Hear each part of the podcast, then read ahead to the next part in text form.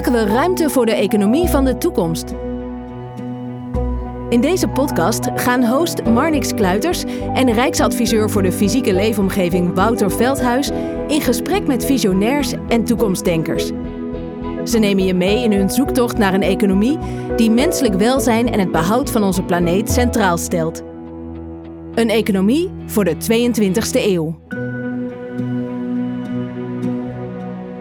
Welkom bij een economie van de 22e eeuw. Ik ga in gesprek over ja, hoe ruimtelijke inrichting van ons Nederland, ons piepkleine landje waar we met 18 miljoen mensen wonen, kan leiden tot uh, ja, economische veranderingen. Uh, en dat biedt ook een mooie kans om uh, goed na te denken over hoe een echt goed werkende economie eruit zou moeten zien. Um, we hebben een nieuw verhaal nodig, daarvoor zijn we deze podcastserie gestart. Um, Wouter, je bent natuurlijk Rijksadviseur voor de fysieke leefomgeving. Um, maar waarom hebben we een nieuw verhaal nodig? Um, heel, heel simpel, als Rijksadviseur wordt mij gevraagd welke keuzes moeten we maken in het ruimtelijk domein. En um, het, het merkwaardige is dat ik daar dus geen antwoord op kan geven, zolang ik niet weet wat we moeten faciliteren in de ruimte in Nederland.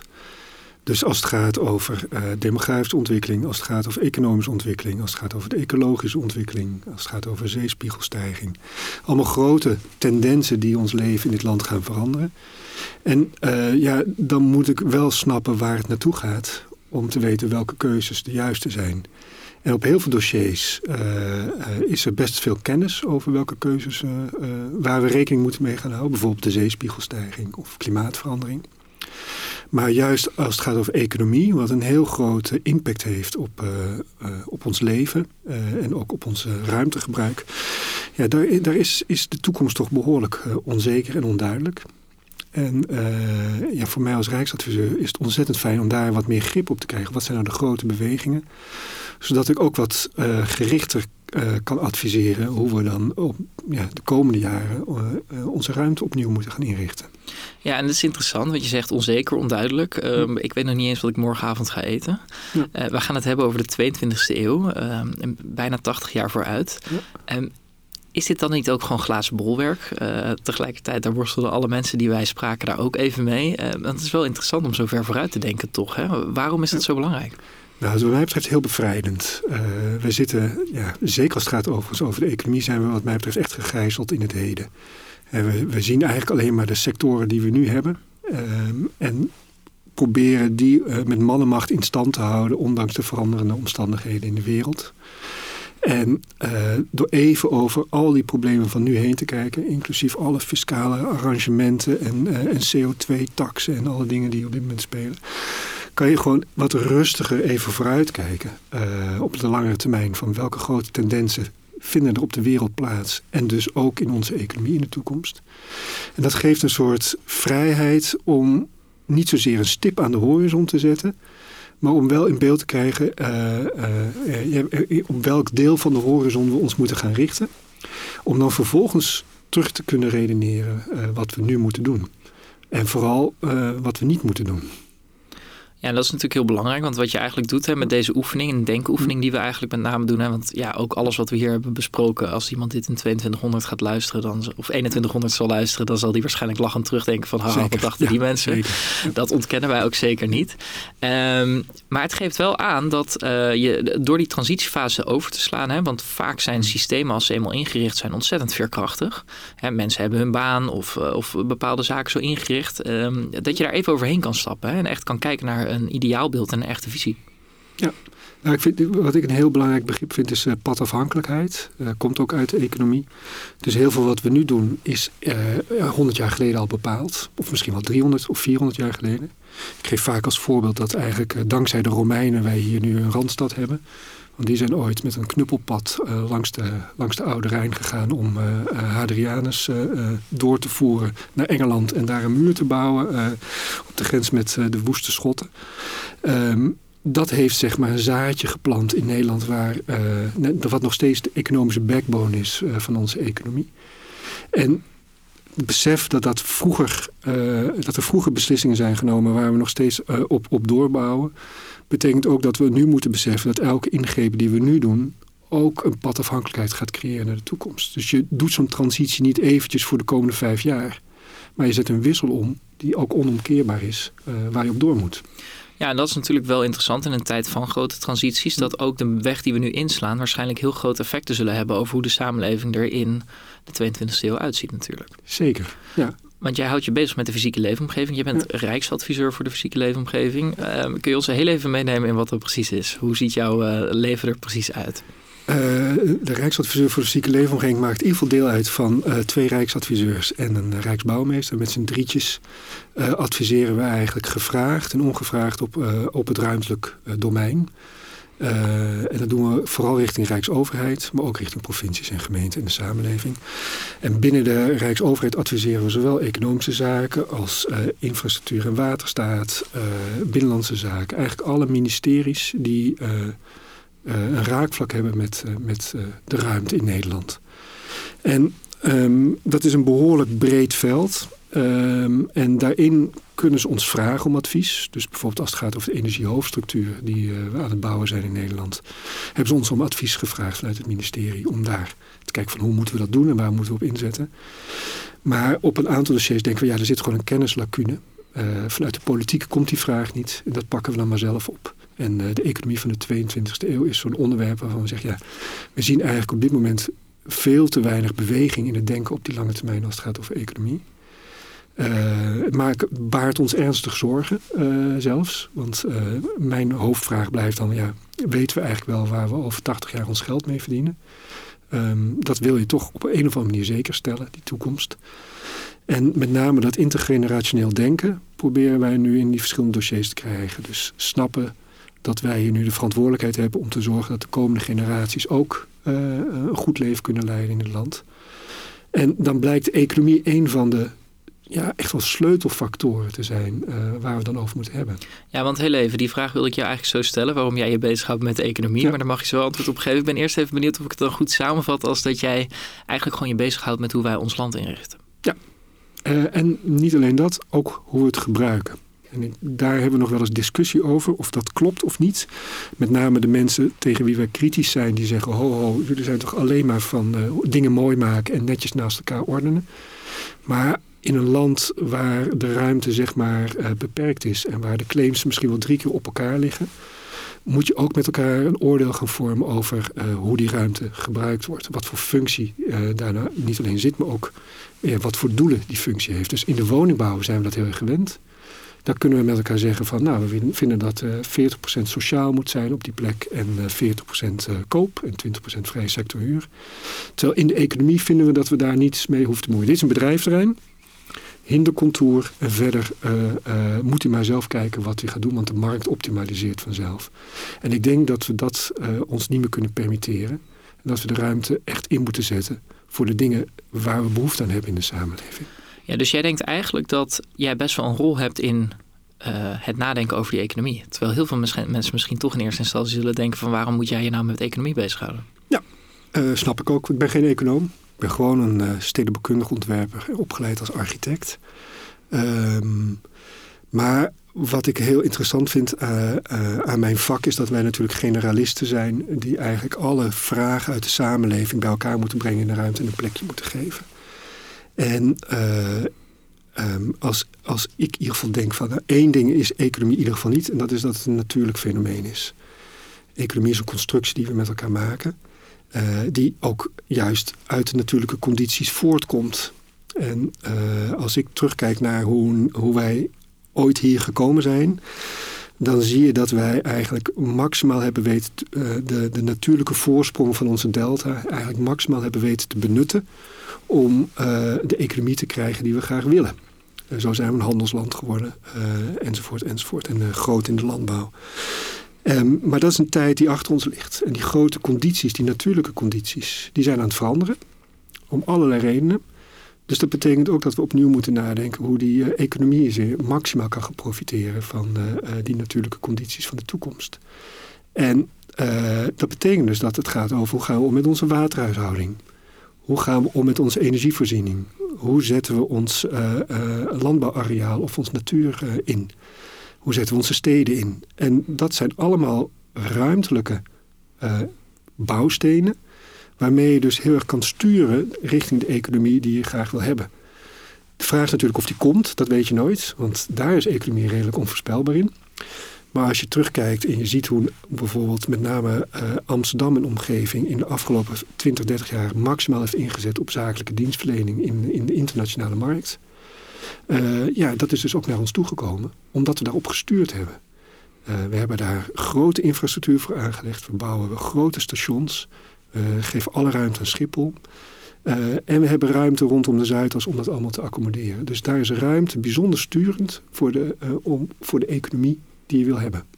Ja, dan heb je het over de Zuidas. Maar wat ik er ook voornamelijk aan proef, want daar is natuurlijk heel veel ontwikkeling ook geweest, mm. is dat uh, we vaak doen alsof dit geen keuze is, maar dat die keuze impliciet wel gemaakt wordt, maar dat daar wel degelijk keuzes achter zitten. Ja, Nee, dus de Zuidas is, dat is echt niet iets wat vanzelf op ons afgekomen is. Daar hebben wij uh, uh, zowel op fiscale uh, arrangementen als op expatregelingen voor de werknemers, als voor de ruimte die we gereserveerd hebben voor die ontwikkeling. die werken allemaal op elkaar in. Ja, dus, dat dus- is, wij hebben eigenlijk de gelegenheid gecreëerd om dit te laten ontstaan. Zeker, maar dat ook, uh, ook, ook de Rotterdamse haven is geen toeval. Uh, daar hebben we kanalen voor gegraven, we hebben maasvlaktes aangelegd. We hebben uh, btw-verlegging um, mogelijk gemaakt, zodat er een handelszone ontstaat.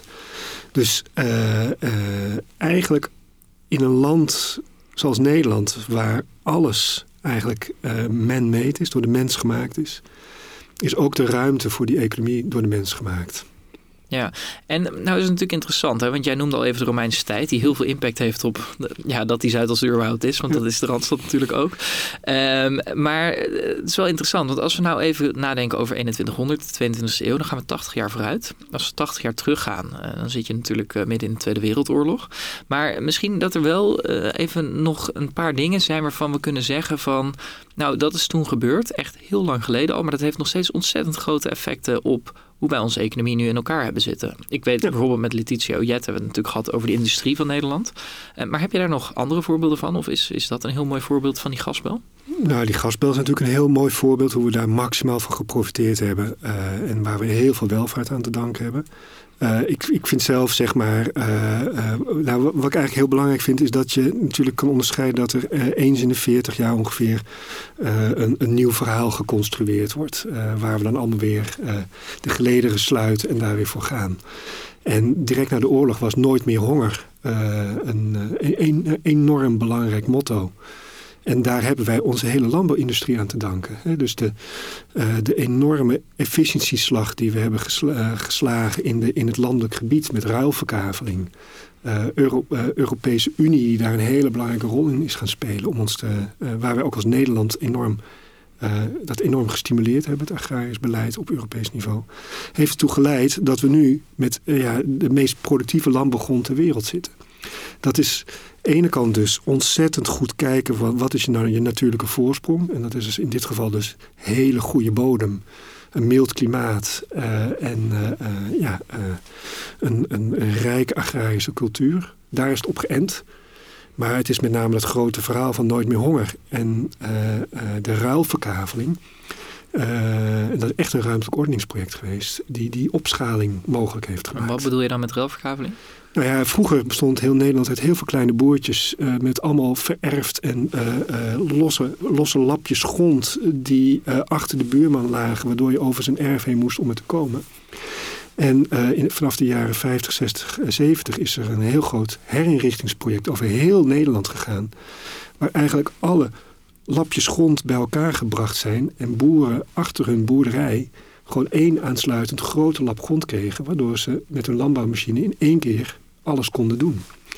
Uh, in plaats van dat ze over weggetjes van kaveltje naar kaveltje moesten. Dus die ruilverkaveling heeft ervoor gezorgd dat de efficiëntie in de landbouw uh, echt uh, ja, met honderden procenten vooruit ging. Dat is gewoon een beleidsmaatregel? Nou, niet alleen een beleidsmaatregel. Dat is ook zeer ingrijpend als je het hebt over transities doen pijn. Het was ook zeer ingrijpend in de sociale structuur van de samenleving. Ja, precies. Maar wat ik bedoel is dat dat niet toevallig tot stand is gekomen. Daar is gewoon uh, beleid opgevoerd. Keihard beleid. Tot en uiting nog, gekomen. En nog veel, veel belangrijker, ook, ook tientallen jaren volgehouden. Dus dat was niet een grill van één minister. Uh, dat is gewoon decennia lang uh, beleid geweest wat gewoon uitgevoerd is. Anders was het ook niet gelukt. Ja, en dan gaan we op zoek naar een nieuw verhaal in deze podcastserie. Uh, daar hebben we heel veel input over gehad. Ik ben zo heel erg benieuwd naar inzichten. Maar dat is ook een verhaal voor de economie van de 22e eeuw van Nederland. we hebben het ook heel veel over mondiale problematiek gehad. Want we, er zijn natuurlijk grote verschuivingen. Maar uiteindelijk ja, zitten we wel in Nederland. Hebben we als Nederland een bepaalde rol te spelen. En hebben we natuurlijk ook een heel bijzonder land. En daar heb ik ook bijzondere dingen van geleerd. Maar zou je nog eens even kunnen toelichten van wat is Nederland voor een land? Want ja, we staan natuurlijk wel bekend als een heel plat land. Maar daar zitten ook wel wat nuances in volgens mij. Ja, ja Nederland is natuurlijk een heel bijzonder land omdat het uh, in, die, in die delta ligt. Uh, dus ook alle vragen die op dit moment zo urgent zijn, zoals uh, klimaatverandering, zeespiegelstijging, die werken natuurlijk op ons heel erg heftig in omdat wij een delta zijn. Net zo goed als dat voor Bangladesh geldt of uh, New Orleans. Dat zijn plekken in de wereld waar eigenlijk van oudsher ook uh, vaak de welvaart uh, zich nestelt. Op de grens van overzeese handel en binnenlandse aanvoerlijnen. En daar zit Nederland natuurlijk echt als een spin in het web. En dat hebben we eigenlijk in de afgelopen honderden jaren natuurlijk ontzettend maximaal weten te benutten. Dat begon natuurlijk met onze handelsnetwerken en uh, inmiddels natuurlijk weten we dat het allemaal niet al te best was, maar ook het hele koloniale systeem, wat natuurlijk alleen maar vanuit een deltaland uitgerold kan worden. Duitsland heeft dat nooit kunnen doen, want die zat niet aan de zee. Um, en die, um, tegelijkertijd hebben we die best wel bijzondere verantwoordelijkheid richting ons achterland.